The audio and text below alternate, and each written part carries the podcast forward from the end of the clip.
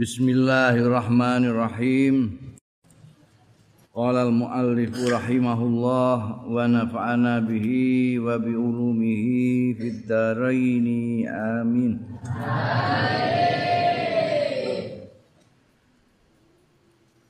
Wa ammal lisanu ana dene lisan fa inna ma khuliqalaka angin pestine den titahake. Ya lisan laka kanggo awakmu kanggo sira. Lituk sira supaya ngekeh-ngekehno sira bi kanthi lisanmu mau. Zikrallahi ing zikir Allah taala. Lituk sira bi zikrallahi taala wa tilawat kitabihi lan maca kitab Allah. Wa tursyida bihi. Lan kanggo marai nuduhake bi kelawan lesan mau khalqallahi taala ing makhluke Gusti Allah taala. Ila tariqihi marang dalane Allah taala. Wa tudhira bihi lan kanggo nglahirno sira bi kanthi lesan mau maing barang fi dhamiri kakang ana ing dalem atira min hajati dinika angking keperluan-keperluane agama ira wa dunia kalan dunya ira. Wa idza sta'mal tahu mongko tetkalane gunakno sira ing lesan gunakno fi ghairi makhluqalahu ing dalem liyane barang sing dititahno ya lisan lahu kanggo mah pakot kafar ta mongko temen-temen ngufuri sira nikmatallahi nikmate Gusti Allah taala fi ing dalem lesan. Oh kowe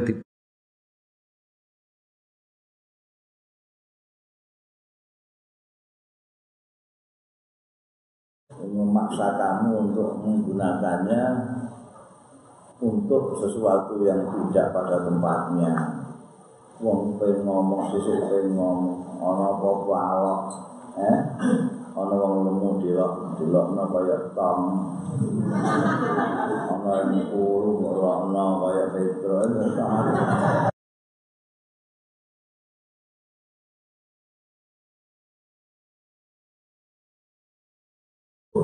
itu supaya betul-betul itu sangat-sangat sekali apa mendorong kita untuk berbuat yang enggak wala kubun nas bin nari ala manakirihim lolan lolan jungkel sapa anasu manusa bin nari dalam neraka ala manakirihim mengatasi tongol-tongol nas ilah ya enak bahasa ini kini enak irung tonggolan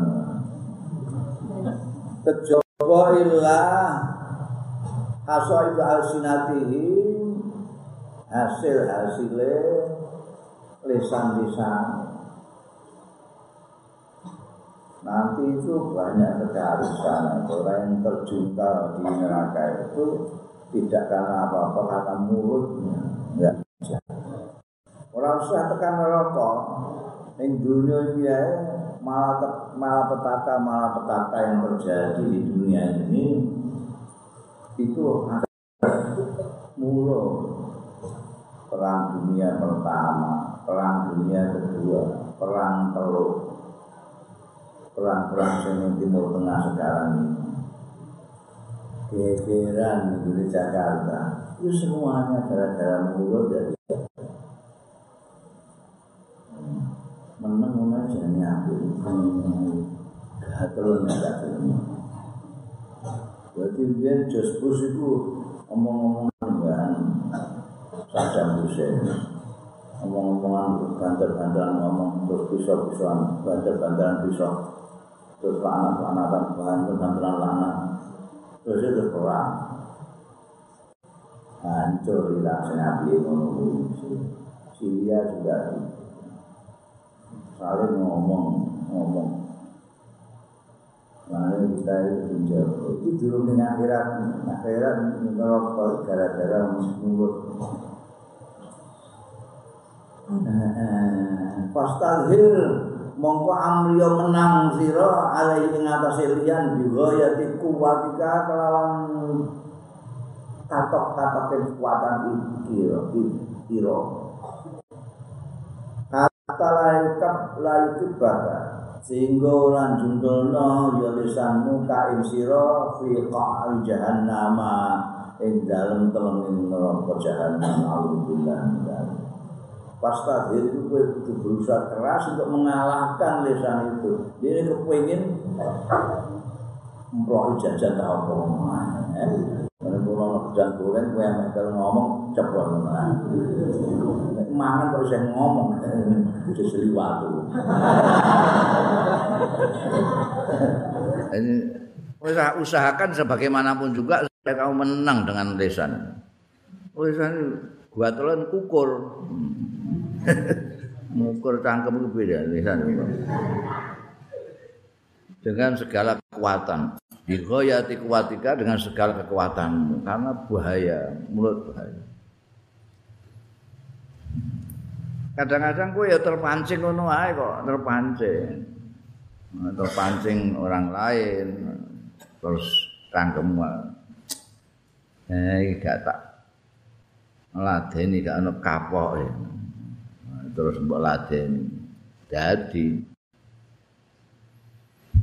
hati-hati jogo tenaga jangan sampai lesanmu mendorongmu ke neraka jahanam. Gara-gara ngomong sing kamu ketoke kaya sepele omongan tok bariku ilang. Eh, pemangsamu ku direkam penuh kowe ku, direkam. Ora mau direkam kaya ngene iki Wah, rekamane gedhi apik ngono. Eh? suarane kling ngono. Iku ning kono diputer meneh. Puter iki lho omonganmu. Nganti ana perang berkobar iki gara-gara iki kawitane kowe ngomong ngene ngene ngene ngene ngene. Fafil khabari Mongko iku ing dalam hadis utawi annar rajula Setune wong lanang layat akallam yakti geneman ya rajul bil kalimati. Lawan satu kalimat yudhika biha. Supaya geguyu ya rajul biya kanthi kata-katamu ashabahu. Ing kanca-kancane rajul payahwi biha mongko menyelurut nyelurut iku njegur mengisor payah. nyelurut eh, terjun bebas.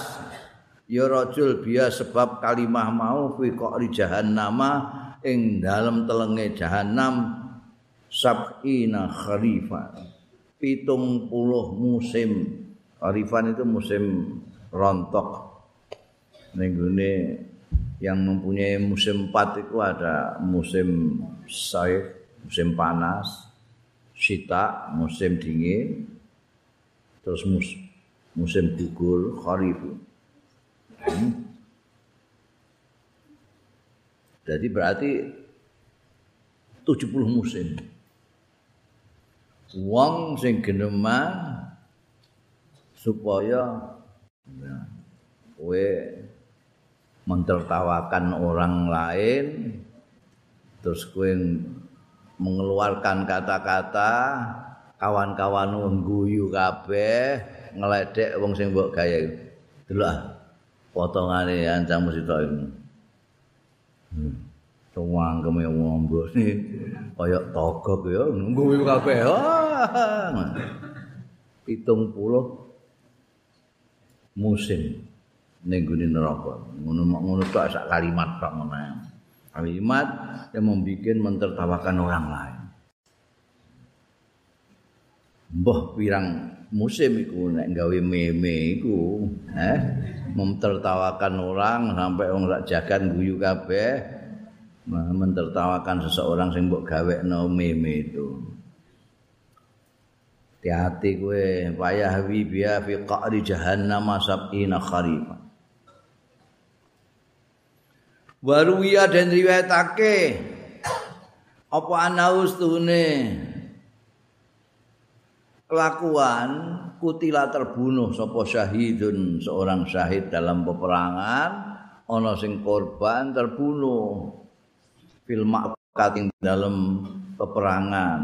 Ala ahdi Rasulillah ana zamane Kanjeng Rasul sallallahu alaihi wasallam. Faqala mongko ana sing ngucap, mongko ngucap celetuk sapa ilun wong sing ngucap hani anlahu bil jannah. Waduh, enake lahu kedue syahid iku mau bil jannati kelawan swarga. Begitu melihat ada kawannya yang terbunuh di dalam peperangan fisabilillah itu mati syahid wah bejone saiki wah nikmat wae. Swarga swarga. Dadaan faqala monggo dawuh sapa nabi kanjeng nabi sallallahu alaihi wasallam. Wa ma yudrika. Utawi apa iku yudrika merohake ya maing sira? Siapa tahu? Kamu tahu dari mana? La Allahu. Mbok menawa-menawa. Sing mbok anggap syahid mau kana ana ya syahid mau yatakallamu geneman fima ing dalam barang layak nihi. Ing dalam fima ing dalam barang layak ni sing ora manfaati ya ma ing wong mau. Wayab khalu ya. Lan medit ya wong mau bima lan barang layuhni sing ora perlu sapa wong mau ing ma Mbok alani iku mesti selamat itu selamat surga itu surga mongo ngerti konti kowe? Ngono ya dawuh kanjeng Nabi. Ngertimu konti aja-aja ndekne orang yang bicara sesuatu yang tidak ada gunanya bicara sing ora-ora dan dia itu mediti buahil terhadap sesuatu yang tidak diperlukan. Ini dia ora perlu jaluk kancane kok gak oleh. Ini gak perlu belas. Duwe sandal patang puluh. Tinggu sitok sisih gak oleh. Ngebuah kilera karuan. Sesisih lho, apa nek sepasang. Kowe iku medeni wong ade ngene-ngene iki ya medeni. Padahal iku orang gugur dalam perang sabilillah. Sing ora perang sabilillah terus kaya apa? Mulane fahfat. Fahfat ngreksa sira njaga sira lisanaka ing lisanmu min zamaniatin saking wolu. Iki catet iki wolu hal ini jaga lisanmu jangan sampai mengucap mengucapkan jangan sampai lisanmu melakukannya. Bahaya. Al awalu yang pertama iku al-kizb utawa al-kazib goroh. jangan sampai fafat minhu lisanaka mongko ngreksa sira minhu saking kir saking goroh mau lisanaka ing lisan ira fil jiddi ing dalem serius wal hazri lan guyon guyon cek serius jaga jangan sampai bohong.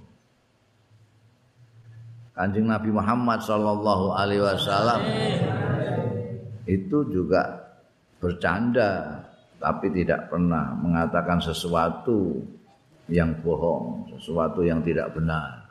Candaane Kanjeng Nabi canda yang elhan ada semuanya ndak ndak pakai bodon-bodon hmm. Serius ataupun guyon kowe harus menjaga lisanmu jangan sampai bohong berdusta. Wala tu'awwid lisanaka alqid lan aja ngulinakno sira lisanaka ing lisanmu alkadziba ing goro hazlan secara guyon.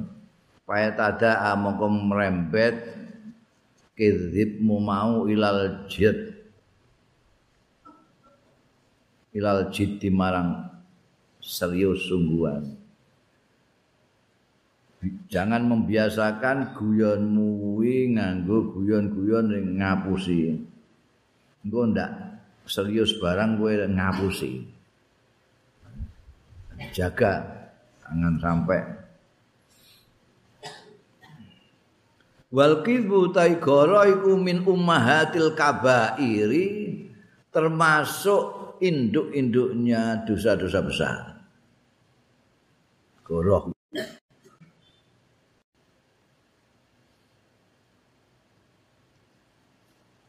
Weh arep banyol ha? Saiki usume banyol dhewean ngono kaya apa jenenge dan komedi-komedi lho. Stand up komedi terus kowe ada kata-kata yang tidak benar. Itu engko suwe-suwe ora mau nalika guyon tok nalika bercanda tok nalika berkomedi tok. Serius pun nanti terus bohong. Padahal sekali bohong iku terus langsung kok tuman bodoni satu ditutup dengan kebohongan lain. Kebohongan lainnya nanti ditutupi lagi dengan kebohongan lain. Tumpuk-tumpuk kebohongan ini. Makanya dingendikakno ning kene goroh itu induk-induknya dosa-dosa besar. Summa innaka mongko sedune sira idza urifta. Tetkalane dikenal sira bidzalika kelawan mengkono-mengkono seneng goro sakot mongko jatuh. Sakotot mongko jatuh. Apa adalah tuka kredibilitasmu. Apa cara jawane kredibilitas itu aku itu wong Indonesia soalnya. Nanti cara Jawa gak ngerti. Kredibilitas. Apa kredibilitas itu Nah iso 10.000. Eh. Rasa sepeda 10.000. Kredibilitas iku apa cara Jawane? Dalatuka. Nek ora adil, nek sudah gugur adalah itu kredibilitas itu tidak bisa jadi saksi. Karena syaratnya jadi saksi itu harus adalah. Kalau kamu sudah dikenal orang sebagai pembohong, udah kredibilitasmu hilang. Nggak akan bisa kamu jadi saksi, nggak bisa. Apa? Ngapusinan dah. Orang ngapusinan ada di saksi ke mesti ngapusi. Hilang. Berarti. Orang mau adalah itu sing jatuh. wasak wasikotulan kepercayaan bikaulika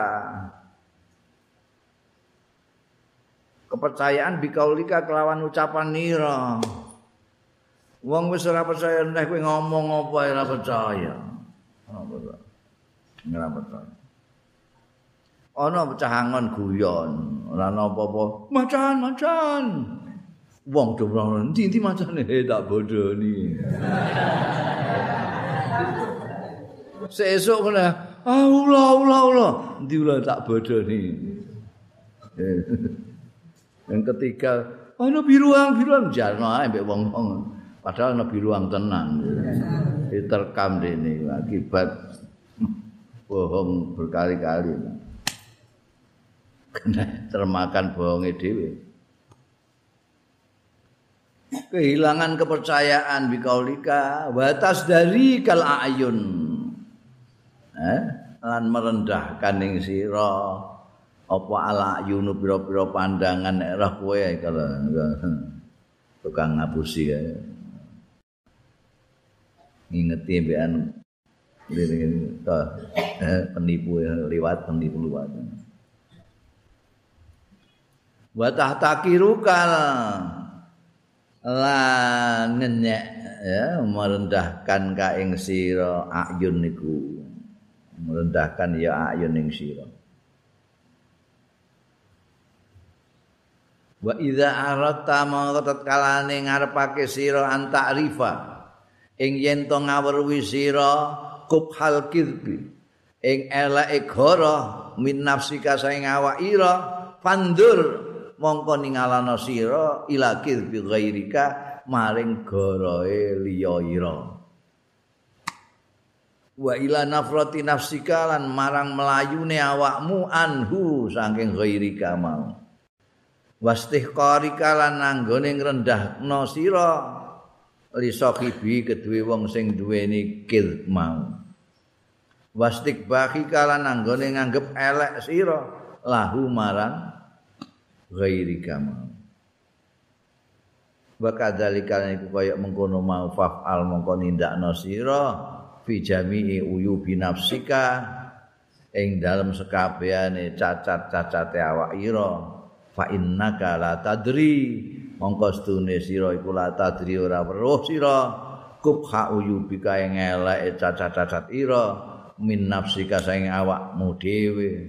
Bal min ghairika. Balik sok liya ira. Pamastakbah tahu mongko tai barang sing nganggep elek sira ing ma. Min ghairi ka saing liya ira. Yastakbihu mong yastakbihu mongko nganggep elek ing ma sapa ghairu ka liya ira mingka sapa ira la mahalata ora iso ora Fala tardo mongko aja puas sira li nafsi kanggo awak dhewe ira lidzalika mengkono-mengkono mau ya. Kowe nek kepengin roh eleke goroh. Ben kowe ora gampang goroh niku wong liya. Sawangen wong liya sing goroh-goroh. Kowe piye? Sikapmu piye nek kowe roh wong sing gorohan iku piye kowe? jenes apa tertarik kagum eh delok wah hebat wong iku goroh ngono apike ngomong goroh jadi ngomong sing menipu wae menipu kok jadi kok jadi pemimpin kok menipu yo jenes aku. Terus bayangno nek kowe sing penipu wong ya ngono iku gregeten karo kowe. Gregeten karo penipu iku nek kowe sing nipu ya wong ya gregetene kaya kowe nek gregeten karo penipu ngono kuwi lho iki tidak hanya goroh tok tipuan tok. Semua cacat-cacat sing kowe nyacat wong kuwi lho mbok cacat apane lah? Iku permakna ning awakmu dhewe. Kira-kira aku nek ngono kae piye? Wong-wong mesti ini sikape kaya aku nalika roh wong sing ngono kae. Aku jijik nek ana ngono kae wong mesti ini jijik nek aku nglakoni kaya kuwi.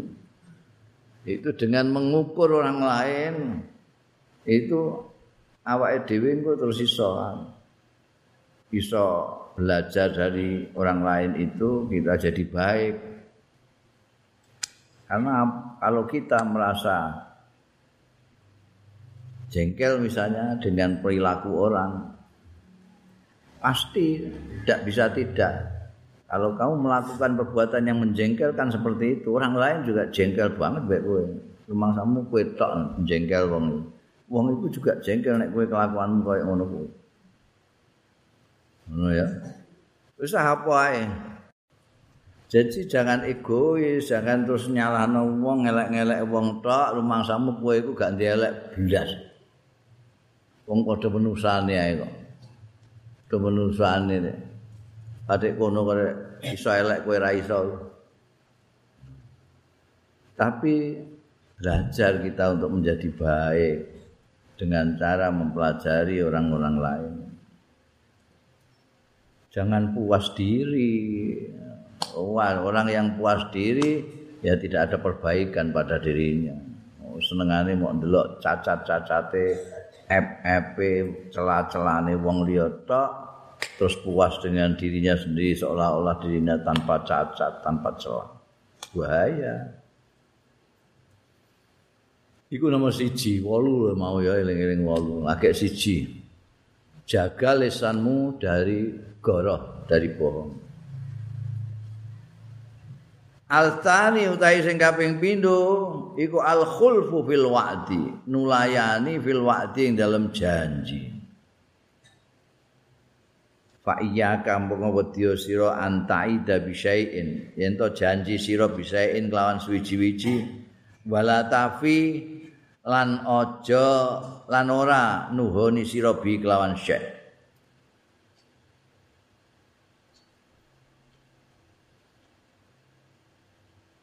bal yang bagi pra, balik prayoga payakuna yen to ana apa ihsanuka kebagusan ira ilan nasi marang manusa iku fi'lan rupa tindakan bila kaulin lawan tanpa ucapan. No ya. Nomor loro iku lesan mbok jaga aja ngantek mbok janji, ternyata janjimu janji kosong melompong tanpa dipenuhi, eh? Kowe rene sesuk yo tak wei, iki gak duwe aku sesuk sesuk. Sesuk kok. Wah, durung ngono sesuk eneh ya. Oh, sesuk eneh. iku janji gak ditepati. Alu wong kowe rasah ngomong apa-apa nek ndek rene sesuk kowe duwe kei. Wes ora mbok janjeni barang ngono iku. Iku maksude yang bagi ayakuna ihsanuka ilan nas fi'lan lawak dan ora janji ora tapi kowe iso teko ning Bisa, bisa, bisa. Esok teko jam pira? Jam pira? Ya barisa, barisa ya. Ya, ya. Esok gak teko gelakno. Wes di sembelihno pitik barang gak teko. Gelone ra karuan. Niku mergo janji tidak ditepati. Alu wong ngrasah kondo, ngrasah kondo jujuk kekong. rasa ngomong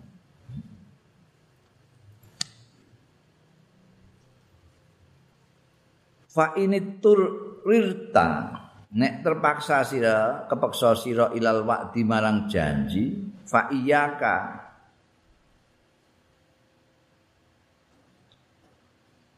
anta halifa yang to janji sira?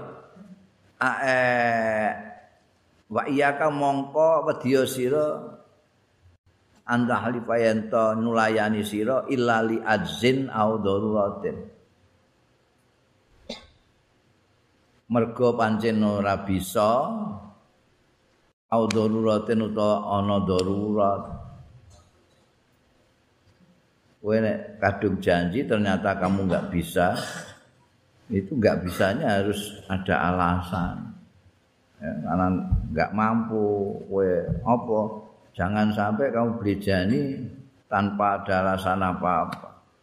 Kowe muni esok teko tapi kamu enggak teko tanpa ada cerita beritanya apa. Itu enggak benar. Harus ada. Kamu saya enggak iso ya. Aku pas loro itu. Apa piye lah pokoknya jangan sampai nulanya janji. Ana wong iku sing malah sak durunge janji ku wis wis ngincim arep ora nuhoni ku ya ana. Ya aku tak teko padahal nek siap ora teko. Eh iku ana sing ngono iku. Kelakuan ngono janjeni wong tapi ben kecelik ngene. Dintenteni aku. Bodoh ni. Ana wong kok sing kelakuan janji ora kok mergo gak mampu nepati Tapi memang wis diniati dari awal kono, niati wis ora bakal nuhoni aku. Fa inna dzalika min ammaratin nifaq. Monggo sedune mengkono-mengkono khulful wa'di nulayani janji iku min ammaratil nifaqi termasuk tondo-tondone kemunafikan. Wa khaba'ithil akhlaqi lan termasuk elek-eleke pekerti. Qala Nabi dawuh sapa Kanjeng Nabi sallallahu alaihi wasallam. Salasat salasun ana telung perkara. Manutai sapaning wong kuna kang ana ya salas fihi ing dalem iman wa insoma senajan poso ndekne mantu iku apa man idza hadatsa kadzaba wong sing nek ngomong ya man kadzaba goroh ya man. Wa wa'ada tatkalane janji ya man akhlafa nulayani ya man. Wa idza tumina tatkalane dipercaya dikai amanah khana khianat ya man munafik itu luwak dalam beda. Itu asline kata-kata nifak itu di luar embek ning jero gak padha. Terus kemudian secara istilah di dalam agama digunakan orang yang di luar iman di dalam tidak. Mau munafik itu uang Islam. Mana kini ana wa in sama wa in sholat mereka wong iku ana loro Ya nek mbok gawe skemane wong iku ana loro. Ana Islam, ana kafir. Kafir ana loro. Ana kafir murni enggak percaya Gusti Allah bareng. Ana kafir sing percaya Gusti Allah tapi nyembah liyane juga jenenge musyrik. Muslim ana loro. Muslim sing mukmin yaiku sing iman jaba jero embek muslim sing iman jaba tok jero. Salehne wong munafik itu wong muslim sing njabane tok sing iman jero ne ora. Dadi awake dhewe ora ngerti wong iki munafik apa ora. Mergo apa? Mergo awake dhewe ora ngerti jero ne wong. Sing dingerteni mok njabane tok. Mulane Kanjeng Nabi Muhammad sallallahu alaihi wasallam itu memberi tanda-tanda saja. Dan durung taruhan sing ana tandane kaya ngono wong munafik tenan ya gungkaruan. Tapi itu sudah bisa untuk membuat kita waspada. Mergo munafik itu biasanya apa jenenge mesti ngerusak tatanan itu. Oh dipercaya dipercaya kari-kari cedro. zaman Kanjeng Nabi Muhammad sallallahu alaihi wasallam itu banyak orang munafik tapi banyak sahabat yang tidak tahu umumnya sahabat tidak tahu kalau mereka itu orang-orang munafik hanya satu sahabat yang disebut sahabat sirrul rasul sallallahu alaihi wasallam Abu Hudzafah Al-Yamani itu yang dibisikkan di Nabi. Oh, kau munafik. Abdullah bin Ubay bin Salul itu raja ini munafik. Ya ini nggak diberitahu. Mulanya sekabat Umar bin Khattab, nah Arab nyembayangi mayit, nyembayangi jenazah, didelok se. Abu Hudzafah Al-Yamani ono tau Nek ra ono wis akeh munafik iki. Aku, aku melok gak nyembayang. Mergo gak ana biyen iku wong roh ana wong mati gak melok nyembayang gak. Iki ngantek gak nyembayang berarti ini dudu Islam jebon jero. Saiki ra iso kowe ngarani wong munafik. Dadi ana wong itu gegeden rumangsa nek iso ngarani iki munafik iki munafik ga iso. Sing ngerti mok Kanjeng Rasul sallallahu alaihi wasallam iku wae karena Kanjeng Rasul diberitahu sana itu orang munafik. Gak diberitahu ya gak ngerti. Wong urusane mbek jero kok, mbek jero.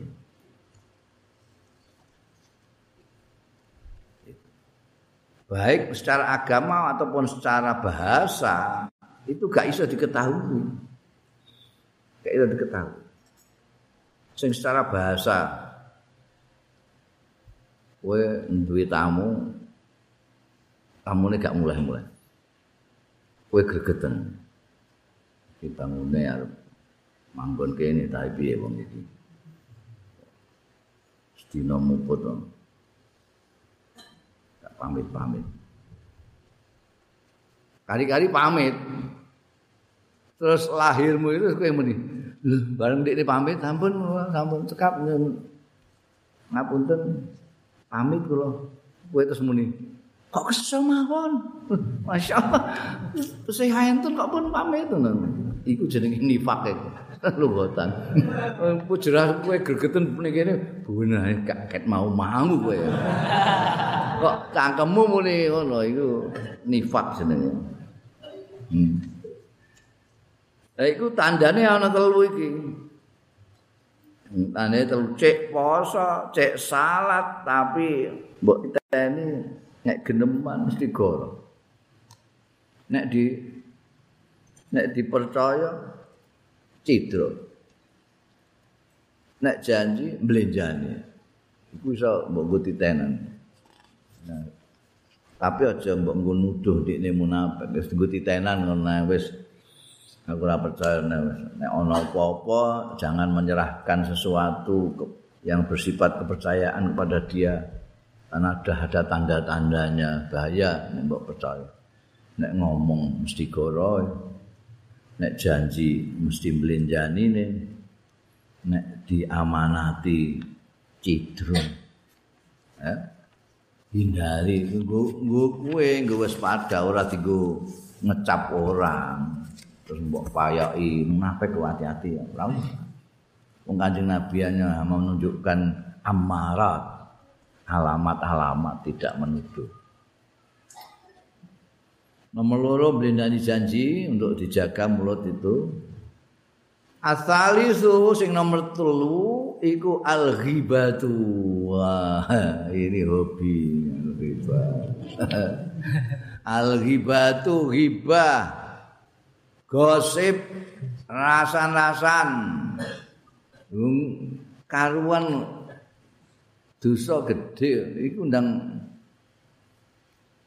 ono acara TV khusus hibah iku ono. Iku aneh. Ana sing ngomong blas ya. Jarene ana sing giat amal ma'ruf nahi mungkar ya gak ana sing amal ma'ruf nahi mungkar. Malah melok ndelok seneng ira karo. Terus ning kene terus melok ngrasani Eh, piye sedane? Sudah pegatan. aku tak takok iku sapa? bintang film. Eh, la ilaha illallah tak dalane dulurmu. Kok melok-melok ngrasani. Mereka diresmikan dalam acara. Eh, padha karo wong muni pakai kumpul linggih kumpul. Piye saiki acarane ngrasani sapa? Iku padha ngono to kuwi. Acara kok ngono piye ini termasuk bahaya yang harus diwaspadai. Ketiga jogo lisanmu dari riba fahfad mongkon jogo sira ngreksa sira lisanaka ing lisanira anha saking riba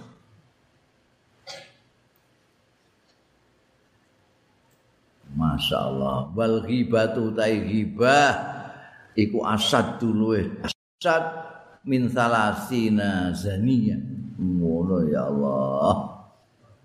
Timbangane telung puluh zina.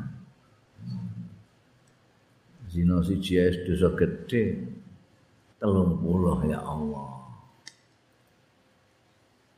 Ngono ya isih tinggu nyamian ae jare. Nyamian. Kaya-kaya kok ora enak nek gak ngrasani. Fil Islami yang dalam Islam. Kada kada dika kaya mengkono waroda tu fil khobari yang dalam khobar.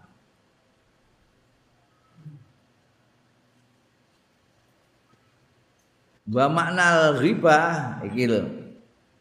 Catat maknane riba iku apa? Kaya kowe iso menghindarinya. Jangan sampai melakukannya. Maknane ghibah iku antar kuro insanan. Yen to nutur sira insanan ing wong suwiji bima yakrahuhu kelawan barang sing ora seneng ya insan mau ing malau samiahu. lamun krungu ya insan mau hu ing ma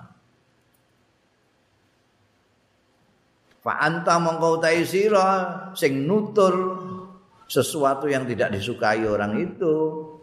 Iku muhtabun sing tukang gosip sing pengerasan zalimun sing zalim. Wa ing kuntalan senajan ana sira ana iku sadikon bener. Sing mbok tuturno iku bener lah iku wong sing mbok rasani iku pancen bajingan tenan kurang percayane. Tapi nek kowe muni Fulan iku buan bajingan dan kira-kira Fulan nek krungu kowe ngomong ngene iki seneng ta ora? Apa terus ngelem kowe? Oh hebat kowe nyebut aku bajingan ya. Masyaallah matur nuwun matur nuwun. Ngono. Apa gregeten kira-kira?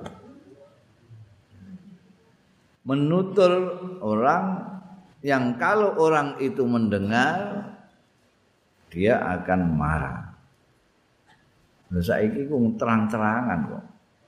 Terang-terangan ning gone Facebook ning WA iku terang-terangan. Rasan-rasan ngrasani wong.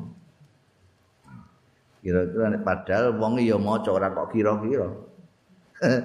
kira-kira nek roh piye? Ora kira-kira ya mesti wonge roh. wong beredar ning Facebook kok. Kowe ngrasani ngono kan hibah, rasan-rasan model baru. Jenenge hibah online. saya iki ana hibah online. La ilaha illallah. Dadi chatting iki ambek ngrasani wong. Ya Allah. Getunu ya. Linggih bareng gak ngerti sing kiwa sing tengen gak ngerti kuwi lagi lha apa jebule lagi ribah online kuwi wong telu iku ngene kabeh bapake mboke anake putune ngene kabeh Wis do mangan ta ora bapake muni ngono. Nggih, nggih. Nggih sedilok nggih sedilok nggih.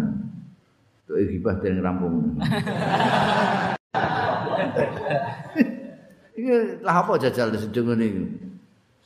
kumpul ora omong-omongan. Itu ta menjauhkan orang dari apa familiar. Dulu terus gak omong mbek kancane ini asik masing-masing asik-asik sendiri. Asik nek sing apik ngono ya mesti akeh-akeh ya iku mau hibah online. Hmm. Wa iyyaka wa ghaibatul qurra al murain. Wedya sira. Awas aja ngantek bagi batu qurra. Ngrasani ro iku saiki wis kiai lah ngono ae qurra iku. Istilahe wong. Hmm. Al muraina sing murain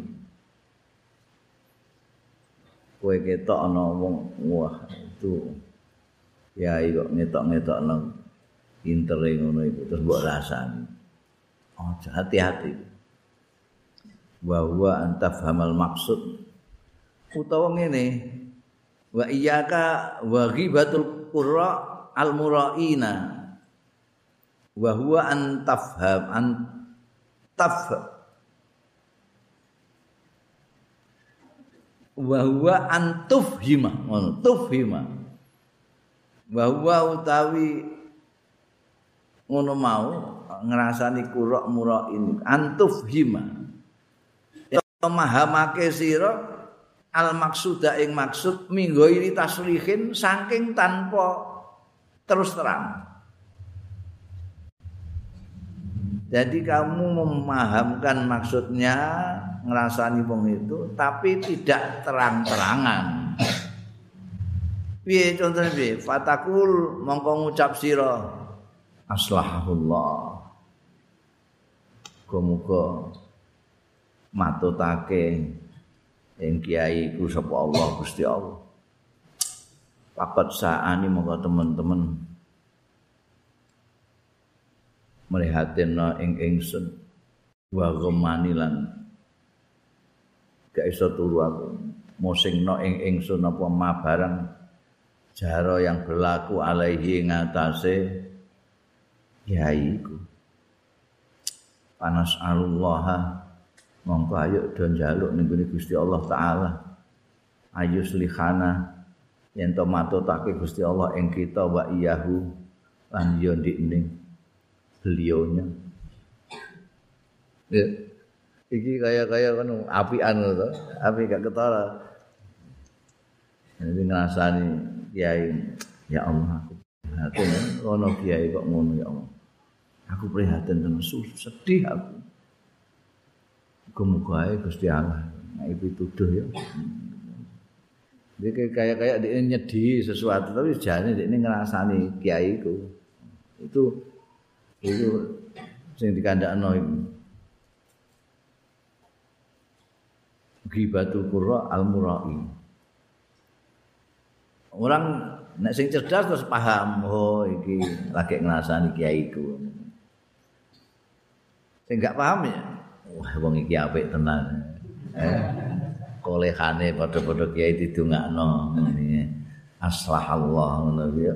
Kan muni aslah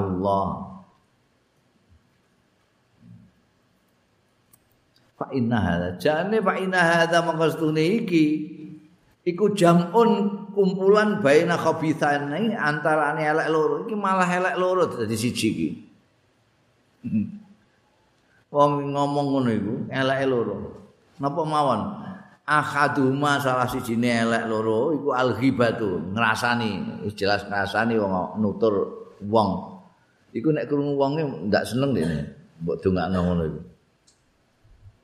Ya aku prihatin ya. Ono kiai kok ngono. Ayo didongakno, muga-muga untuk ngono iku kira-kira wonge seneng ta ora mbok nek krungu. muring-muring ah, perlu tukaran ngono. Jadi kesalahan yang pertama elek yang pertama adalah ngerasani. Idza khasala bi tafahum tatkalane bi kelawan omongane wong mau apa tafahumu pemahaman. Nek wong sing dijawab paham, nek iku ngrasani. Kadang-kadang orang sing ora paham, darani apik mau, ya ora apa-apa. Dadi elek nek wong-wong do paham, ini orang sedang ngerasani olehannya. Itu yang pertama, elek sing pertama. Wal akharu utawi sing liyane elek sing liyane iku tazkiyatun nafsi. Ini sing gak disadari orang kadang-kadang. iku tazkiyatun nafsi bagusake awak dhewe wasana wasana ulan ngalembono alaiha ing atase nafs bitaharruji kelawan ketok sungkan wasolahilan bagus ya dosane ngerasani siji kedua dia dengan mengucapkan begitu itu berarti dia ngapik no awake dhewe. Ngapik no awake. Wah, wong ngapik tenan cah. Mesti ya ngono wong itu. Karena muni merihatin no kancane ya, merihatin no kiai. Oh, no. Wong merihatin no kiai ngono yo, ndongak no barang. Jadi dia itu otomatis dengan berkata begitu itu ngumpul awake dhewe ngelem-ngelem awake dhewe ngelem dhewe nah ngono kiai kok ngono ya nah, sedih aku ayo ditungakno yuk buat kait kan kaya kaya di ini orang ngono.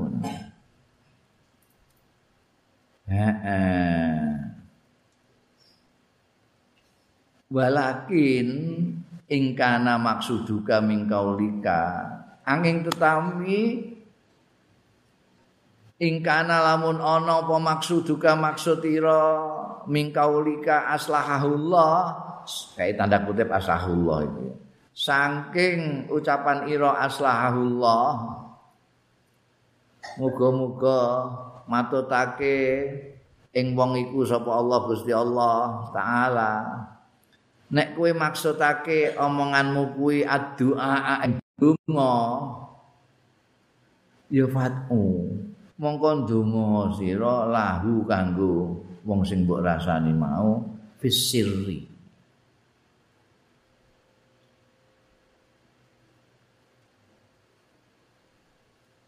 ing dalem diem-diem ndang rahasia nek kowe kepengin ndongakno tenang ora niat ngrasani, ora niat ngumpulno awakmu dhewe, ra iso. Kowe ndongakno astagfirullah nalika kowe sembayang tah apa. Ora kok ning ngarepe wong akeh ngono. Ya. Iku nek kowe pancen ikhlas ndongakno kancamu oleh kamu iku astagfirullah. Bunga. Ojo bareng banten. wa idza tamamta bisababihi fa alamatu annaka la turidu fadhihatahu kowe pancene prihatin tenan bisa babi sebab wong iku mau fa alamatuhu mongko utawi alamate prihatinmu iku annaka sira laturidu ora ngarepake sira fadhihatahu ing buka wadine wong mau. Wa izhara aibihi lan ngetokno cacate wong mau. Eh nek kowe pancen prihatin tenang. Iku ya dongakno diam-diam. Nek kowe terus mbok kandak-kandakno wong iku alamate kowe oh.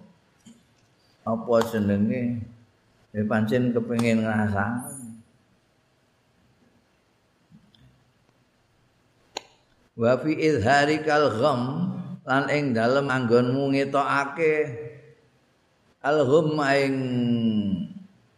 prihatin susah BIB sebab cacate wong mau.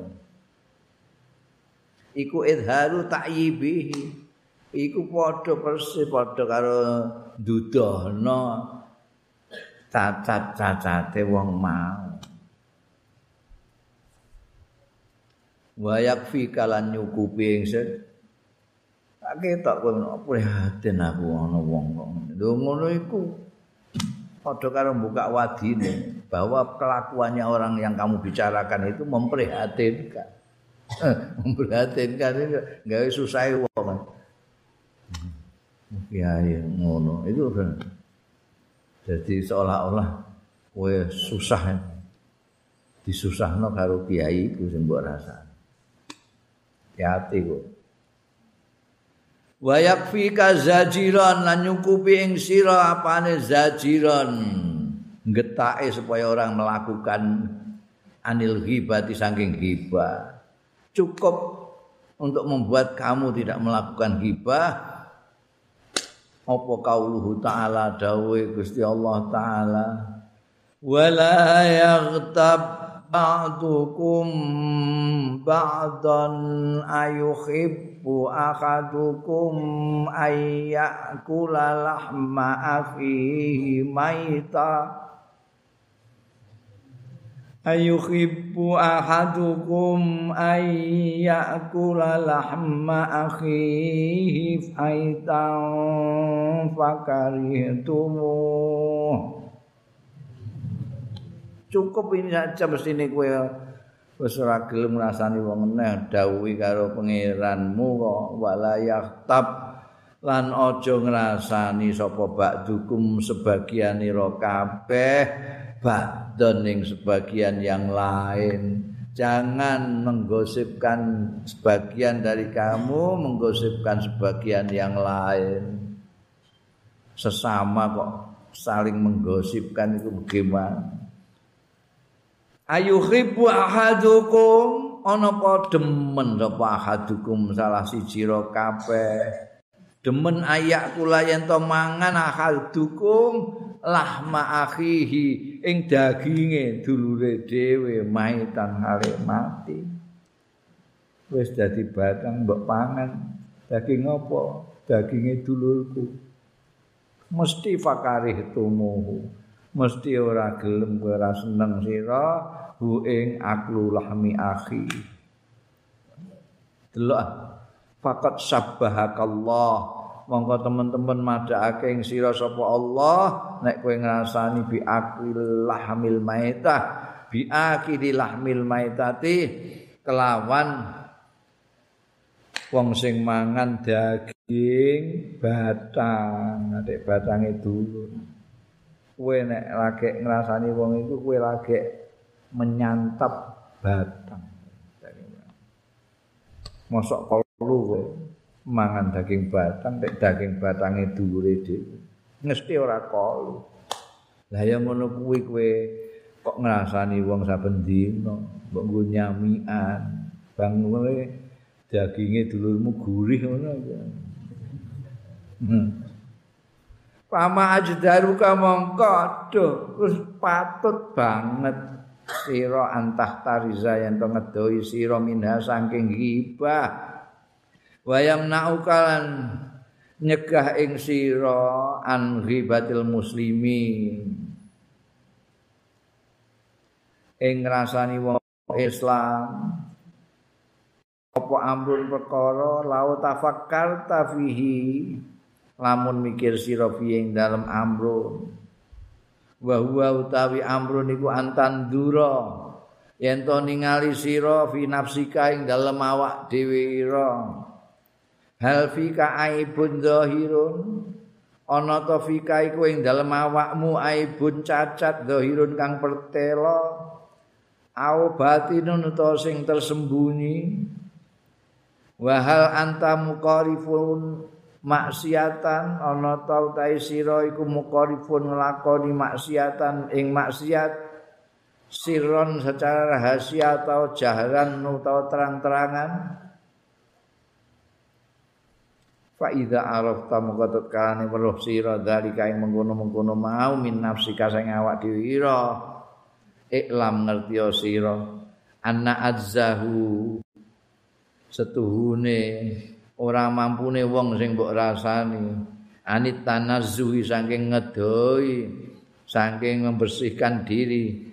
Amma nasab tahu saking barang sing bangsakno sira ing ma ilaihi marang wong mau iku kaadzika kaya dene ora mampu ira wa udruhu utawi alasane wong mau sing mbok rasani iku kaudrika kaya dene udzurira alasanmu. Wa kama takrahu kaya dene ora seneng sira. Antuh tadaha yen dibuka wadimu. Watu tekar lan yen to ditutur apa uyu buka cacat-cacatmu bahwa mongko utahe wong sing mbok rasani aidun halimane iku ya yakrahu Hmm? Ora seneng. Iya, ora seneng nih gune mata kerahu itu. Jadi kue supaya bisa menghindar dari ngrasani wong, eleke wong, cacate wong mbok bakas karo kanca-kancamu, lebih baik kamu bertanya-tanya dulu tentang dirimu sendiri.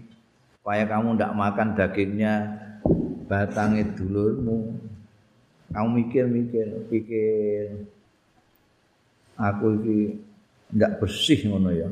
Agak duwe cacat blas apa piye. Cacat sing ketok, cacat sing ora ketok aku ki duwe ta ora. Aku iku apik kaya nabi ngono. Apa aku iki duwe cacat? Cacatku sithik ta akeh. Cacat lahirku apa cacat batinku apa? Aku tahu nglakoni maksiat apa ora ya? Sembunyi-sembunyi apa terang-terangan tahu-tahu ora? Kok aku gak iso ya menghindari dosa? Aku gak iso ya ngilangi cacatku. Gue rasa begitu, eh, sing tak rasani ku ya kondisine kira-kira kaya aku ngene iki.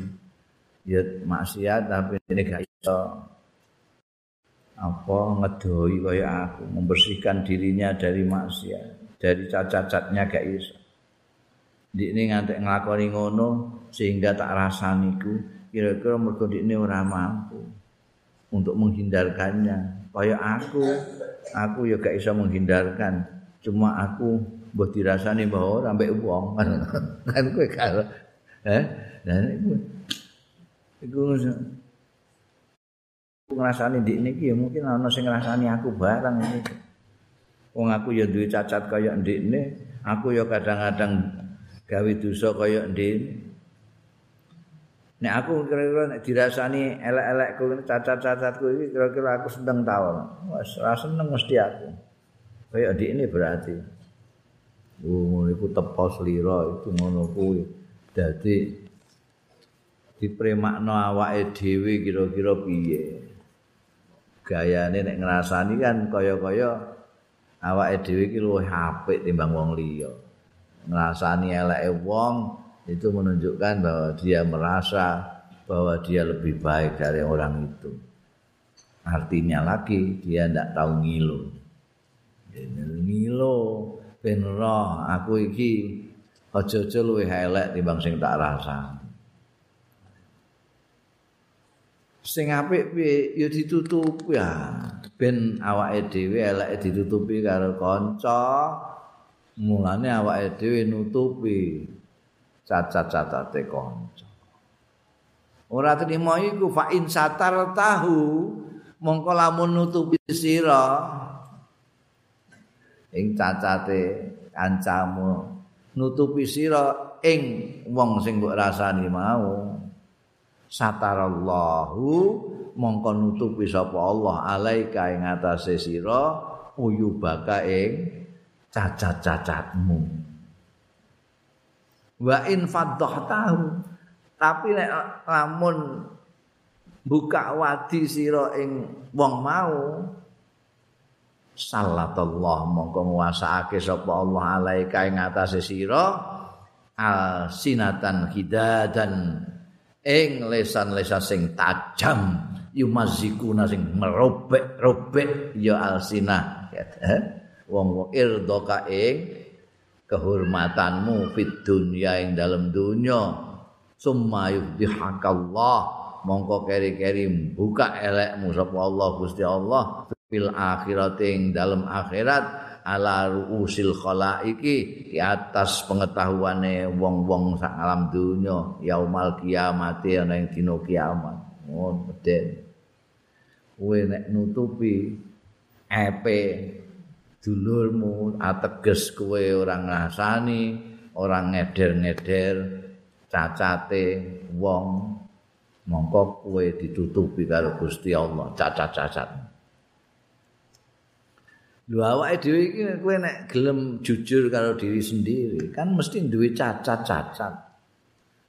Sing ditutupi karo Gusti Allah sehingga wong-wong ora ngerti. Kowe iku dalam hidup itu kan banyak berpencitraan. Eh? Sebetulnya ora kok pencitraanmu kuwi sing dadekno kowe ketok apik terus. Gak, tapi ditutupi Gusti Allah. Mbok kowe mbok tutupi nganggo pakaian sing apik, pakaian sing alim, sing khusuk lah nek Gusti Allah kepengin buka, terbuka kowe. Ana. Cacat-cacat apa kan dibuka. Mulane hati-hati. aja gawene buka wadine wong mundak Gusti Allah engko buka wadi. Nek kowe gelem nutupi cacate wong, Gusti Allah akan nutupi cacat-cacatmu. Tapi nek kowe sengaja ngeder-ngeder eleke wong, membuka cacatnya wong, hati kowe. Gusti Allah akan menguasakan membuat ada lidah-lidah tajam yang akan merobek-robek kehormatanmu nanti. Balasannya orang mau ning dunia tok ning akhirat we we tok ketok no wong sak ngalam dunia ala usil khalaik kilo wong ning biyen gawene ngelek-ngelek wong gawe ning ngrasani wong potongane ngene iki. Kok wong itu semuanya mempunyai cacat. Nek kowe kepengin cacatmu terlindungi terus oleh Allah taala, ya kowe aja ini buka-buka cacate wong. Nah, paling enak iwan sing ya meneng turu iku. Jadi ora nyacat sono, ora nyacat kene, selamat. Wa in nazarta ila zahirika wa batinika. Lamun ningali sira ila zahirika maling lahiriahmu wa batinika lan batinira falam tutalli fiha ala ai falam falam tadla ha ora ningali sira fihi maing dalem zahirika batinika ala aibin. Ing atase cacat wanaksit lan kekurangan fidinin ing dalam agama wala dunya lan ora donya. Fa'lam mongko ngerti sira ana jahlaka setuhune bodho ira biuyu binafsika kelawan cacat-cacate awak ira iku akbah anwa ilhamaqah luwih elek-eleke macem-maceme ketololan. Ya. Aku gak ada salah. Ada cacat belas kok. Kono nek arep membuka cacatku kurang percaya nih. Oh, aku gak cacat belas. Eh? Aku kekuranganku apa jae? Cacatku apa? Eh, geblekmu itu tumpuk-tumpuk nek ngono iku. Bahwa kamu tidak tahu cacat-cacatmu, tidak tahu app-appmu itu paling buruk-buruknya ketololan. Jenis ketololan itu macam-macam. Ana sing jenis geblek, ana sing jenis kumprung, ana sing jenis tolol. Oh. Eh? Iki sing jenis sing paling tolol-tolole tolol itu orang ngerti app dhewe. Rumangsa lahir batin apik kabeh. Ini Wala aibalan ora ana cacat justru itu kamu itu cacatmu di situ itu yang paling gede. Bahwa kamu melihat dirimu paling bagus tidak cacat belas itu adalah cacat yang paling cacat. Wala aibalan ora ana cacat azam ingkang luwih gede minal khumki tinimbangane tolol. Al khum. Tolol yaiku hamakah. Nek bodho ngene rapati. Goblok kakak ini. Tolol itu. Sian pol itu. Walau aradallahu bika khairan. Lamun ngesake sapa Allah Gusti Allah bika kelawan sira khairan yang bagus. Laba soka yekti ngetokno. Ndadekno kowe ngerti nyawang ing sira biuyu binafsika kelawan cacat-cacate awakira tanda-tanda nek Gusti Allah ngersakno kowe apik iku Allah nduduhno ning kowe cacat-cacatmu dhewe. Nek ngantek kowe kok ora iso goleki cacatmu blas aku apike ngene ya Allah. Tak bandingno karo kanca-kancaku iku blas ora ana cacate ya Allah. Aku fisikku ya gak cacat kelakuanku ya ora cacat apik banget aku iki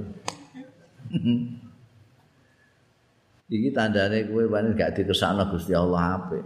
Nek wong sing dikesakno Gusti Allah apik iku diperlihatkan oleh Allah cacat-cacatnya sendiri. Aku iki apa jenenge eh, ngambekan misalnya aku iki sirian aku iki kasutan aku iki dituduhno pirang-pirang. Nek pancen Gusti Allah menghendaki kamu baik kamu justru ditunjukkan ep-epmu kekurangan-kekuranganmu itu. Paru ya tukan nafsaka mongko utahe anggonmu ningali nafsaka ing awak dhewe ira biaini ridha kelawan pandangan puas iku ghayatu ghabawatika iku puncak kegoblokanmu. Bawah itu adi isi di embean hamakoh hamakoh itu tolol ke bawah goblok. Wajah likalan bintu iro ini katakan eh? jadi ono ono goblok ono bintu eh? Ono kumprung itu tolol itu ono bahasa Arab ya akeh go bawah jahil hum jadi kamu melihat dirimu dengan puas itu puncak dari ketololanmu. Orang itu tidak boleh puas dirinya sendiri saya sudah sempurna sekali cacat tidak punya kekurangan tidak punya orang yang melihat dirinya begitu itu tidak akan muda-muda apik sama sekali orang yang bertambah-tambah baik itu karena senantiasa melihat dirinya kurang aku kurang ini. Aku kurang loman, aku tak loman biar sempurna. Aku kurang ramah, aku tak ramah biar lebih baik. Aku kurang jujur, masih sering ngapusi, aku tak jujur supaya dipercaya. Kalau melihat dirinya kurang, itu ada usaha untuk nambah-nambah menjadi sempurna. Tapi nek melihat dengan puas pada diri sendiri, merasa diri sudah sempurna, apa yang harus dilakukan? Nah, kan dia berusaha untuk menyempurnakan karena dia melihat dirinya sudah sempurna kok. Ya, jadi aja sekali-kali kamu melihat dirimu itu dengan mata puas. Suma ingkun tasodikon mongko lamun bener-bener lamun ana sira ana iku sadikon pancen bener fi dzannika ing dalem penyono ira Faskurillah taala. Nek pancen kowe pancen apik tenan, ora duwe cacat blas. Ya syukuri lah. Itu berarti kamu mendapat kenikmatan anugerah dari Allah taala ana wong kok bersih, resik, ora duwe kekurangan, ora duwe cacat, kudu mbok syukuri. Faskurillah taala alaihi ing atase ngono mau. Wala tufsidhu lan aja mbok rusak. Eh? Kebaikanmu yang seperti itu, kesempurnaanmu yang seperti itu, aja mbok rusak bital bin nasi kelawan ngelek-ngelek uang. Wa tamat mutilan membicarakan bi a'radihim kelawan kehormatan kehormatan kehomatane wong. Fa inna dzalika maqastune mengkono-mengkono. Eh, ngelek-ngelek uang. Membicarakan begedene cacat. Ya, mesti ini nek kue mancen bener, kamu itu sempurna, bersih, tidak ada cacat. Kue mesti itu alhamdulillah ya Allah Gusti. Kula panjenengan paringi kok saged menjaga diri sampai kula niki terbebas dari cacat-cacat lahir maupun batin. Alhamdulillah ngono.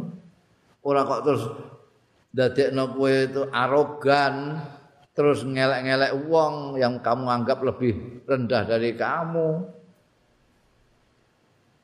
Tinggu nyacat uang, tinggu membicarakan kehormatan orang lain, mentang-mentang kamu sempurna. Oh, itu justru app yang paling besar. Ar-Rabi'u sing nomor papat. Walu sing kudu mbok jaga dari lisan delapan. Mau sapa goroh. Pernah mau ngrasani wong. Saiki yang keempat al-mira wal jidal. Bantah-bantahan dan debat, bantah-bantahan. Bedanya apa mira mbek jidal itu? Bantah-bantahan ambekan apa mau? Ambekan debat itu apa bedanya apa? Nek mira itu reaktif. Mira itu reaktif. Jadi ana wong ngomong kowe gak cocok langsung mbok saut aja mbok samber ya. Itu ada benar itu. Itu benar itu apa itu? Itu mira. Nah, nek debat ini macam disengaja dari awal nggak ada ngomong. Mari kita mulai perdebatan ini. oh no, eh topiknya perdebatan adalah pilkada. Nah, ngomong ngomong ini ngomong. Jidal jenenge. Ini kudu harus kamu jaga itu. Apa lesanmu bulan wa munaqasatin nasi dan mem, saling membantai manusia fil kalami dalam guneman. Padalika mongko tai mengkono-mengkono mau fihi ku tetep ing dalam dalik idzaun menyakiti lil mukhatab marang mukhatab. Wa tajhilun nan bodhok-bodhokake lahu marang mukhatab. Wa ta'nun nan menikam bihing dalam mukhatab. Wa fihi lan iku ing dalem kono mau sanaun utawi ngelem alan nafsi ngatasé awak dhewe wa tazkiyatun lan membersihkan diri ngapikno laha marang nafs bimazidil fatonati lawan tambahi kecerdasan wal ilmi lan ilmu. Ya. Kenapa kok enggak boleh debatan, bantah-bantahan, eh? baik secara langsung maupun online? Eh? Kenapa? Karena itu bisa menyakiti orang. Kowe bantah-bantahan mbek wong iku malah ana teori bantah-bantahan iku kudu nyakiti wong barang ngono kuwi. Ben kono iku ngamuk, nek ngamuk terus kehilangan keseimbangan, terus gak iso jawab ambek ana ngamuk. Istilahnya ning online itu ana pembulian itu dadi gak mikirno topik perdebatan. Wah ini disebut elek yang harus kamu hindari lesanmu dari itu karena itu bisa menyakiti mukhotob mukhotob yang diajak ngomong diajak bantahan itu mesti nek kue membantai wong dengan berbusa-busa itu itu kan menunjukkan bahwa kamu hebat sana itu tidak ada artinya nyepelek no lawan bicara mukhotob itu lawan bicara Jadi di situ ada idzak kepada lawan bicara, menyakiti lawan bicara. Karena bukan hanya pendapatnya kamu jelek-jelekan, tapi kadang-kadang sampai uangnya bareng mbok bakas kok. Oh, diasal pesek. Hmm. Jadi apa hubungannya mbek terus kok terus tekan fisik barang sen ya ndasmu kegedean ngono ngono ngono iku piye itu karena memang bantah-bantahan membawa orang menjadi emosi. Kalau emosi terus tidak terkontrol, tidak terkontrol terus gimana sing ora-ora. Kadang-kadang enggak sesuai topik merono genemane mrene. Ya jelas. Iki mau bakas apa kok ujug-ujug tekan kono iku piye? Wes ora peduli. Pokoknya dapurmu pancene. Tuh kok dapur-dapur nang iki piye? Iki kita membicarakan bukan dapur ini. Karena itu menyakiti orang lawan bicara dan membodohkan lawan bicara. Kadang-kadang orang kok membodohkan dalam pengertian maknawi, tapi kadang-kadang jelas-jelas membodohkan. Oh, kamu itu bodoh ya, itu tajil itu. baca. Gak mikir. Mikir loh. Dia semua. Tajil aku. Dan mengecam fihi. Bantah-bantahan itu gak puas nek ambekan orang mbek moyoki barang ngono kuwi ya. Nyam kowe iku tamatan ibtida'i. Eh kowe sekolah neng kok nek wis tamat aliyah ae mara rene ku ya tahu ngono iku mlete zaman nom kowe iku nengane bantahan lha ngono apa ngotok-ngotok ngejak bantahan. Perkara kilafiah iku greget tenan. Perkara bangsane kunut talkin barang ngono iku lho. Teko-teko terus mlete ra karo. Gimana kalau sekali-kali kita tukar pikiran lah mengenai hal-hal yang menyangkut percayaan masyarakat ini yang kita mempunyai kewajiban untuk meluruskan baik akidah maupun amaliyah dari masyarakat. Oke. Maksud sampean gimana? Lah ini kita bicara sekarang kan tentang misalnya talqin itu benar atau tidak? Mengenai tahlilah kuno muludan laku jeh nom itu ya jeh melete tak kok lah juri kita siapa? Juri kita siapa? Hakim kita dalam perdebatan ini siapa? Loh, kita orang Islam.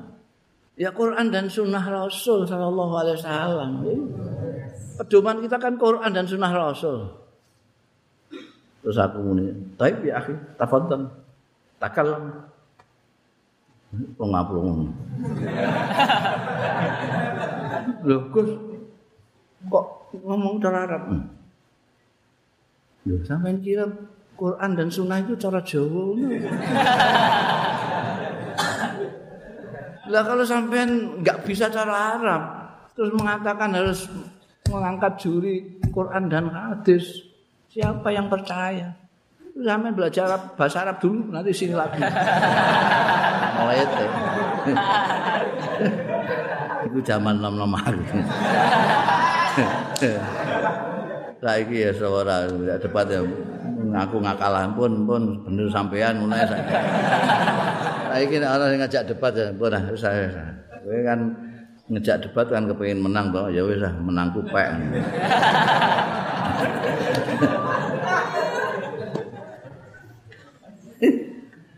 ya Allah. Zaman nom itu. Mulane aku lagi ya kadang-kadang ya memaklumi lah cah nom berkobar-kobar kaya yo. nyalahno kono nyalahno kene wong tuwa barang salah-salahno. ya aku ya aku wis tau nom. nom iku gawane mletene iku. Eh eh Janji kue bantah-bantahan ngono iku mesti rumangsa bapak kamu lebih cerdas, kamu lebih berilmu. summa huwa musyawwisun lil ain summa huwa mongko utahe mengkon bantahan mau ngono mau iku yuwa musyawwisun iku memperkeruh lil aisi marang kehidupan. Eh? Oh, urip pisan mbok nggo bantah-bantahan iku. Lha apa? Wong mbok nggo nyoto ae enak ngobrol sing enak ngomong bantan-bantan mari memperkeruh merusak suasana persahabatan mbek kanca wis apik-apik dadak bantan-bantan terus paneng karo pisan terus muring-muringan terus pungkur kehidupan. Fa innaka la tumari safihan illa wa yu'dzika. Ya. Saya pikir ah kowe. Fa innaka mokon sedune sira iku la tumari safihan. Ora bantahan karo wong sing bodho illa wa yu'dzika. Kejaba mesti nglarakno ya sapih ka ing sira eh kowe bantah-bantahan wong bodho ora kabeh kowe wong dene terus ora ora ngerti sing dibakas kok terus dibakas terus kowe dibakas. Mungkin diomongi, "Lho, pendapatmu kok begini bagaimana?" Oh, ora pokoke ndasmu goblok.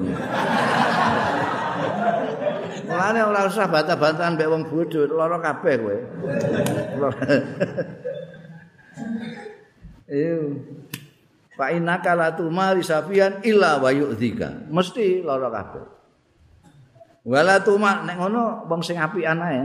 Wala tumari lan ora bantai sira haliman ing wong sing lapang dada. Illa wa yuklika wa yaqitu alaika. Kejaba mangkelno apa halim ka ing sira. Mergo kowe kalah pinter. nek musa wong bodho kowe dilalakno ati mergo ini ngawur, tuh bantahan ngawur. Nek MBN wong pinter, kowe sing lara atimu. Gak iso ngatasi rale eh bantah dibantah terus kalah terus. Ngamuk kowe malah. Waya gitu alaika lan terus drengki karo kowe nek kowe sing menang. Fakat qala sallallahu alaihi wasallam.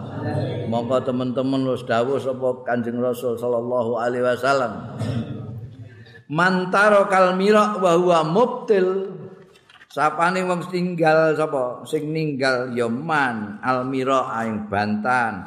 Wa huwa khale utawi man iku mubtilun isa benerno isa batal. Kowe bantah-bantahan sehingga orang yang kamu bantah bisa taslim bahwa dia keliru, kamu benar. Tapi kamu tidak mau. Taruh kamu kok. mantaro kalmira wa huwa mubtil banallah mongko bangun ke sapa Allah Gusti Allah lahu marang man baitan ing omah fi robatil jannah ana e kawasan swarga wa mantaro wa mantaro kasapaning wong sing tinggal yoman almira aing bantahan wa huwa khali utahe man iku muhikun bener iku mau muktil salah ya panane. Wong sing tinggal bantan dia itu ya ndak bener salah dibangun. Jadi dijak bantahan moh wis aku wis ya wis aku salah wis iku dibangunno omahku ning swarga. Lah nek ana mong tinggal bantahan bahwa muhikun padahal di ini itu benar di benar saya ngejak bantahan keliru tapi di ini mau usora aku gak di waktu aku bantah-bantah ban Allah mongko bangun nake sapa Allah Gusti Allah lahu kanggo man baitan ing omah fi a'lal jannah ing dalem ketinggian surga. Nek mau ning robadal jannah ono ae saiki ning a'lal jannah. Kowe bener tapi gemoh dijak bantah-bantah iku kowe gawe omah ning dhuwur. Walayam bagi hati-hati kowe ya iki musuh ter mungguing cangklaan iki penting kok waspadai walayam bagi lan ora prayoga. Apa ayakhdaka yen to nipu. Awas tipuane itu enggak ketara nipu ka ing sira setan setan. Bayakulan ngucap ya setan laka maring sira. Azhiril haq wala tudahin fihi. Ayo tampakkan al-haqqa yang kebenaran. Wala tudahin jangan basa-basi. Mudah usah. Lembut-lembut dengan orang-orang yang salah itu. Itu sikat saja. Tunjukkan kebenaran pada mereka. Oh setan nek ngobong memprovokasi kebenaran harus ditegakkan ini. Eh? Kamu yang bisa menegakkan. Mulatu dahin itu asalnya saka duhun. Minyak berminyak-minyak, lembut-lembut. Musa wong kaya ngono iku mbok alusi nggo apa? Keras saja. Ngono iku walatu dahin. Jangan basa-basi di dalam hak. Inna syaitana maqastune syaitan. abadan selawase iku yastajirul hamqa iku mesti narik-narik. Dilomprongno alhamqa wong kemprung-kumprung iku. Ila sari maring elek fi ma'radil khairi ing dalem citra kebaikan. Pala takun mongko jana sira ana iku doh kat doh katan dadi geguyon. Aja ngantek kamu jadi tertawaan li syaitani maka duwe setan payas karumingka mongko terus nyepelek naya setan mingka saking sira setan itu senengane njlomprong manusa eh narik keburukan dengan memperlihatkan bahwa itu baik.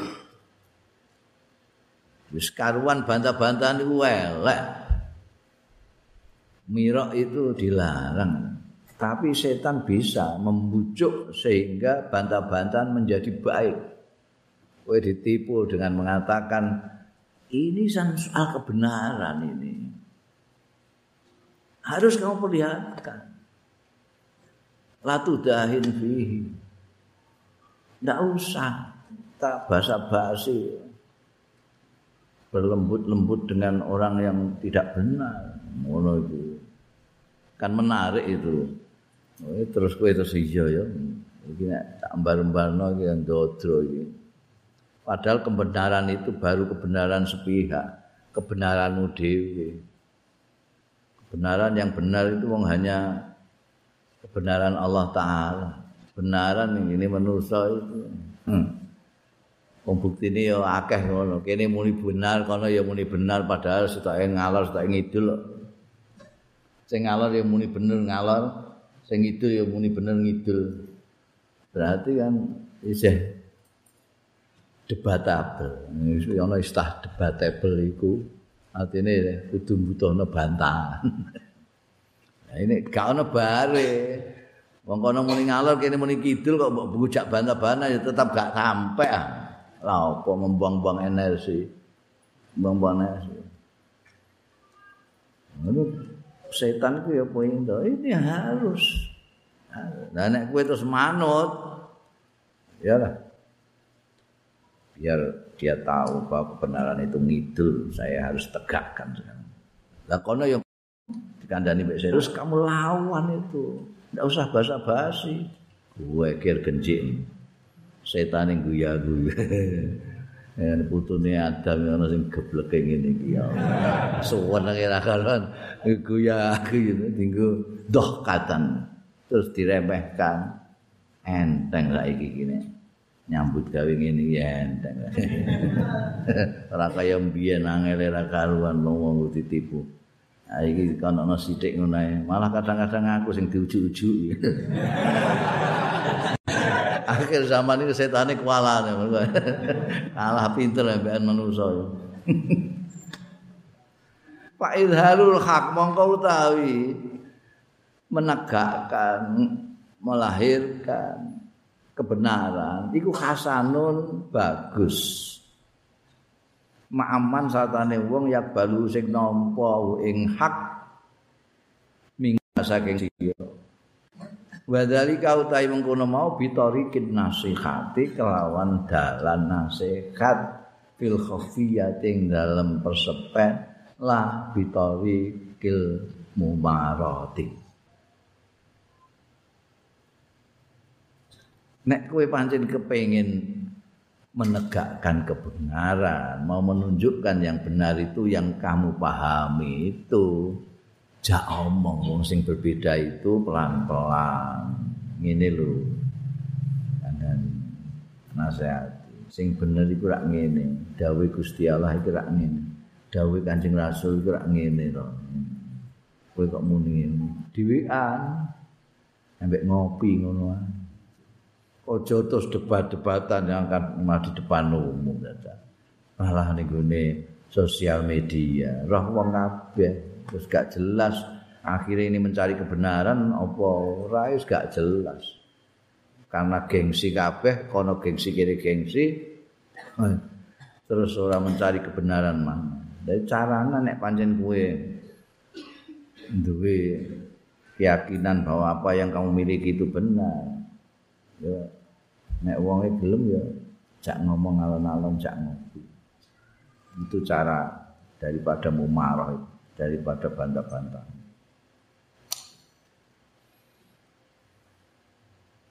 Walin nasihati, nasihat nggih. Iya nasihat aja bantah-bantahan. Terus nasihat sepundi? Walin nasihati lan iku keduwe nasihat sifatun utai sifat wahai atun lan karakter. Jadi ada nasihat itu ada sifatnya, ada ciri-cirinya. Wayah tajulan butuh hake via ing dalam nasihat butuhake ila talatufin marang kelembutan. Nasihat itu kudu lembut. Nasihat kok mendelik-mendelik iku lao sing nasihati wedi. Oh nasihat mendelik-mendelik nasihati wedi? Kecuali sing hobine pancen pendelikan. Ora mesti wedi mulane nganggo halus talat lembut. Kaya Kanjeng Rasul sallallahu alaihi wasallam mencontohkan afima rahmatin minallah lintalahum. Kanjeng Rasul lembut kepada orang-orang. Itu memang sifat yang dibutuhkan oleh nasib. Wa illa nek ora lembut ora halus syarat dadi apa nasihat dadi iku fadhihatan Fatihah itu bukan nasihat tapi buka wati. Buka wati. Nasihat dadi kowe meh nasihati wong supaya ora ngono ya mbok alon-alon lembut. Iku mau nek perlu mbok jak ngopi. Ini lho Kang. Tak perhatian awakmu itu kok. Ini aku tuh sayang mbek sampean gak ngerti dhewe aku sayang mbek sampean. Tapi nek kelakuan ngono terus engko undang gak bareng ning kono ning sing dipikir ngalus. Tapi nek ora kasar bantere ra karon geman. Goblok kowe iki kan iki sudah keliru ngene kok dadak wah wis ora dandani tapi malah rusak. Wa kana fasaduha mengko ana apa fasaduha? Nek ora lembut to nasekati ndelikan ngono iku. Mengko ana apa fasaduha rusake nasihat iku aksar luweh akeh. Min salahiyat tinimbangane patute nasihat Kalau enggak nasihat, nek nasihat ngono iku malah ndadekno wong mlayu. Waman kholata sapane wong sing ngumpuli bergaul mutafiqah mutafaqihatal asri. Istilah Imam Ghazali kan emeh ngenyek wong iki. Ora faqihul asri, nek faqihul asri atau fuqaha al asri itu orang-orang pinter fikih masa kini. Tapi nek mutafaqihah sing sok pinter-pinter, eh, sok pinter fikih wong zaman itu zamane kak Imam Ghazali biyen wong sing bergaul karo mutafaqih tel asih ghalaba alaihi tabul mira. Mongko nglindih ala tabihi ing atase wateke man kholata apa almira ubantan wal jidalan debatan wa asura lan angel alaihi ngatasé man kholata apa asumtu meneng il alqa ilaihi jalani baake ilahi marang man kholata sapa ulama usuk. Istilah lain beliau untuk mengatakan mutafaqihatul asri. Anadzalika setune mengkono-mengkono mirak wal jidal. Wa zalika iku al fadlu sing utama. Wal qudrah alal mahajjah lan kemampuan ing atase berhujjah. Wal munaqasati berdebat. Waladzi yumtadahu bihi. Ngono mau wa ya. Mazkur min mahajjah wal munaqasa. Iku alladzi yumtadahu sing dipuji apa bihi ladzi wong sing kumpul karo wong sing gaya-gaya wahli agama itu itu biasanya wateke terus niru-niru. Iya ya kepengen bantahan ngedeban sithik-sithik takok dalile apa? Sokeh apa ora hadise bangsa ngono-ngono kuwi gak iso meneng gak iso meneng. Mergo kumpule kumpule mbek ngono-ngono iku mutafaqihatul asri.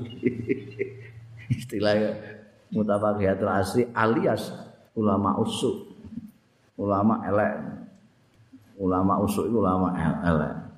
Ulama tapi gak ngamal nong ilmu bantah-bantahan terus. Kenapa orang itu menjadi tidak bisa diam berat untuk diam. Itu bantah-bantahan. Mergo sing disawang ulama itu ulama sing senengane bantah-bantahan sih ini kan nek gak bantah-bantahan kan oh gak padha karo ulama itu gak untuk keutamaan. Gak mampu berhojah itu. Wong pinter ya ulama itu sing pinter hojah ngono.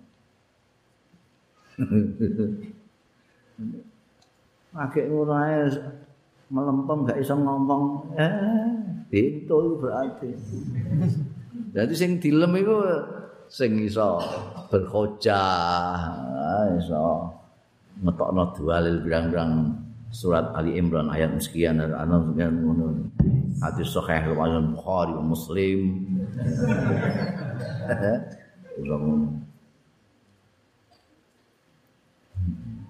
Fafir, fafir mongko melayu sira. Dijuju Imam Ghazali. Melayu sira minhum saking mutafaqihatul asri. Kiai-kiai elek itu. Ulama usuk itu. Ulama usuk itu. Melayu kowe. Melayu menghindar kok malah terus saya bu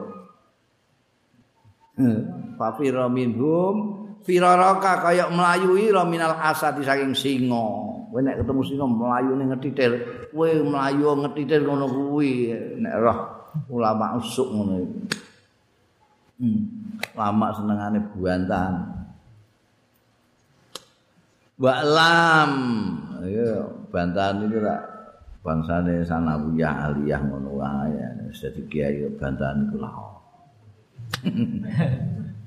wa lam anal mira lan ngerti sira mira sababun limukti limuktin indallah wa indal kha ngerti sira inal mira astune bantahan iku sababun dadi sebab limuktin marang bendu indallah ya nang ngarsane Gusti Allah. Mangsane seneng Gusti Allah nek kowe bantah-bantahan meskipun itu tentang Gusti Allah sendiri. Gak seneng. Malah bendu Gusti Allah. Ora trimo men Gusti Allah wa indal khalqi lan mungguing manusa. Manusa iku ya sebel jane. Wong bantah-bantahan tok iku gak digawean tapi manusa ya gak seneng Gusti Allah bendu. Al khamisu utawi kudu dijaga dari lesan yang kelima. Al khamisu tasbiyatuna wallahu a'lam.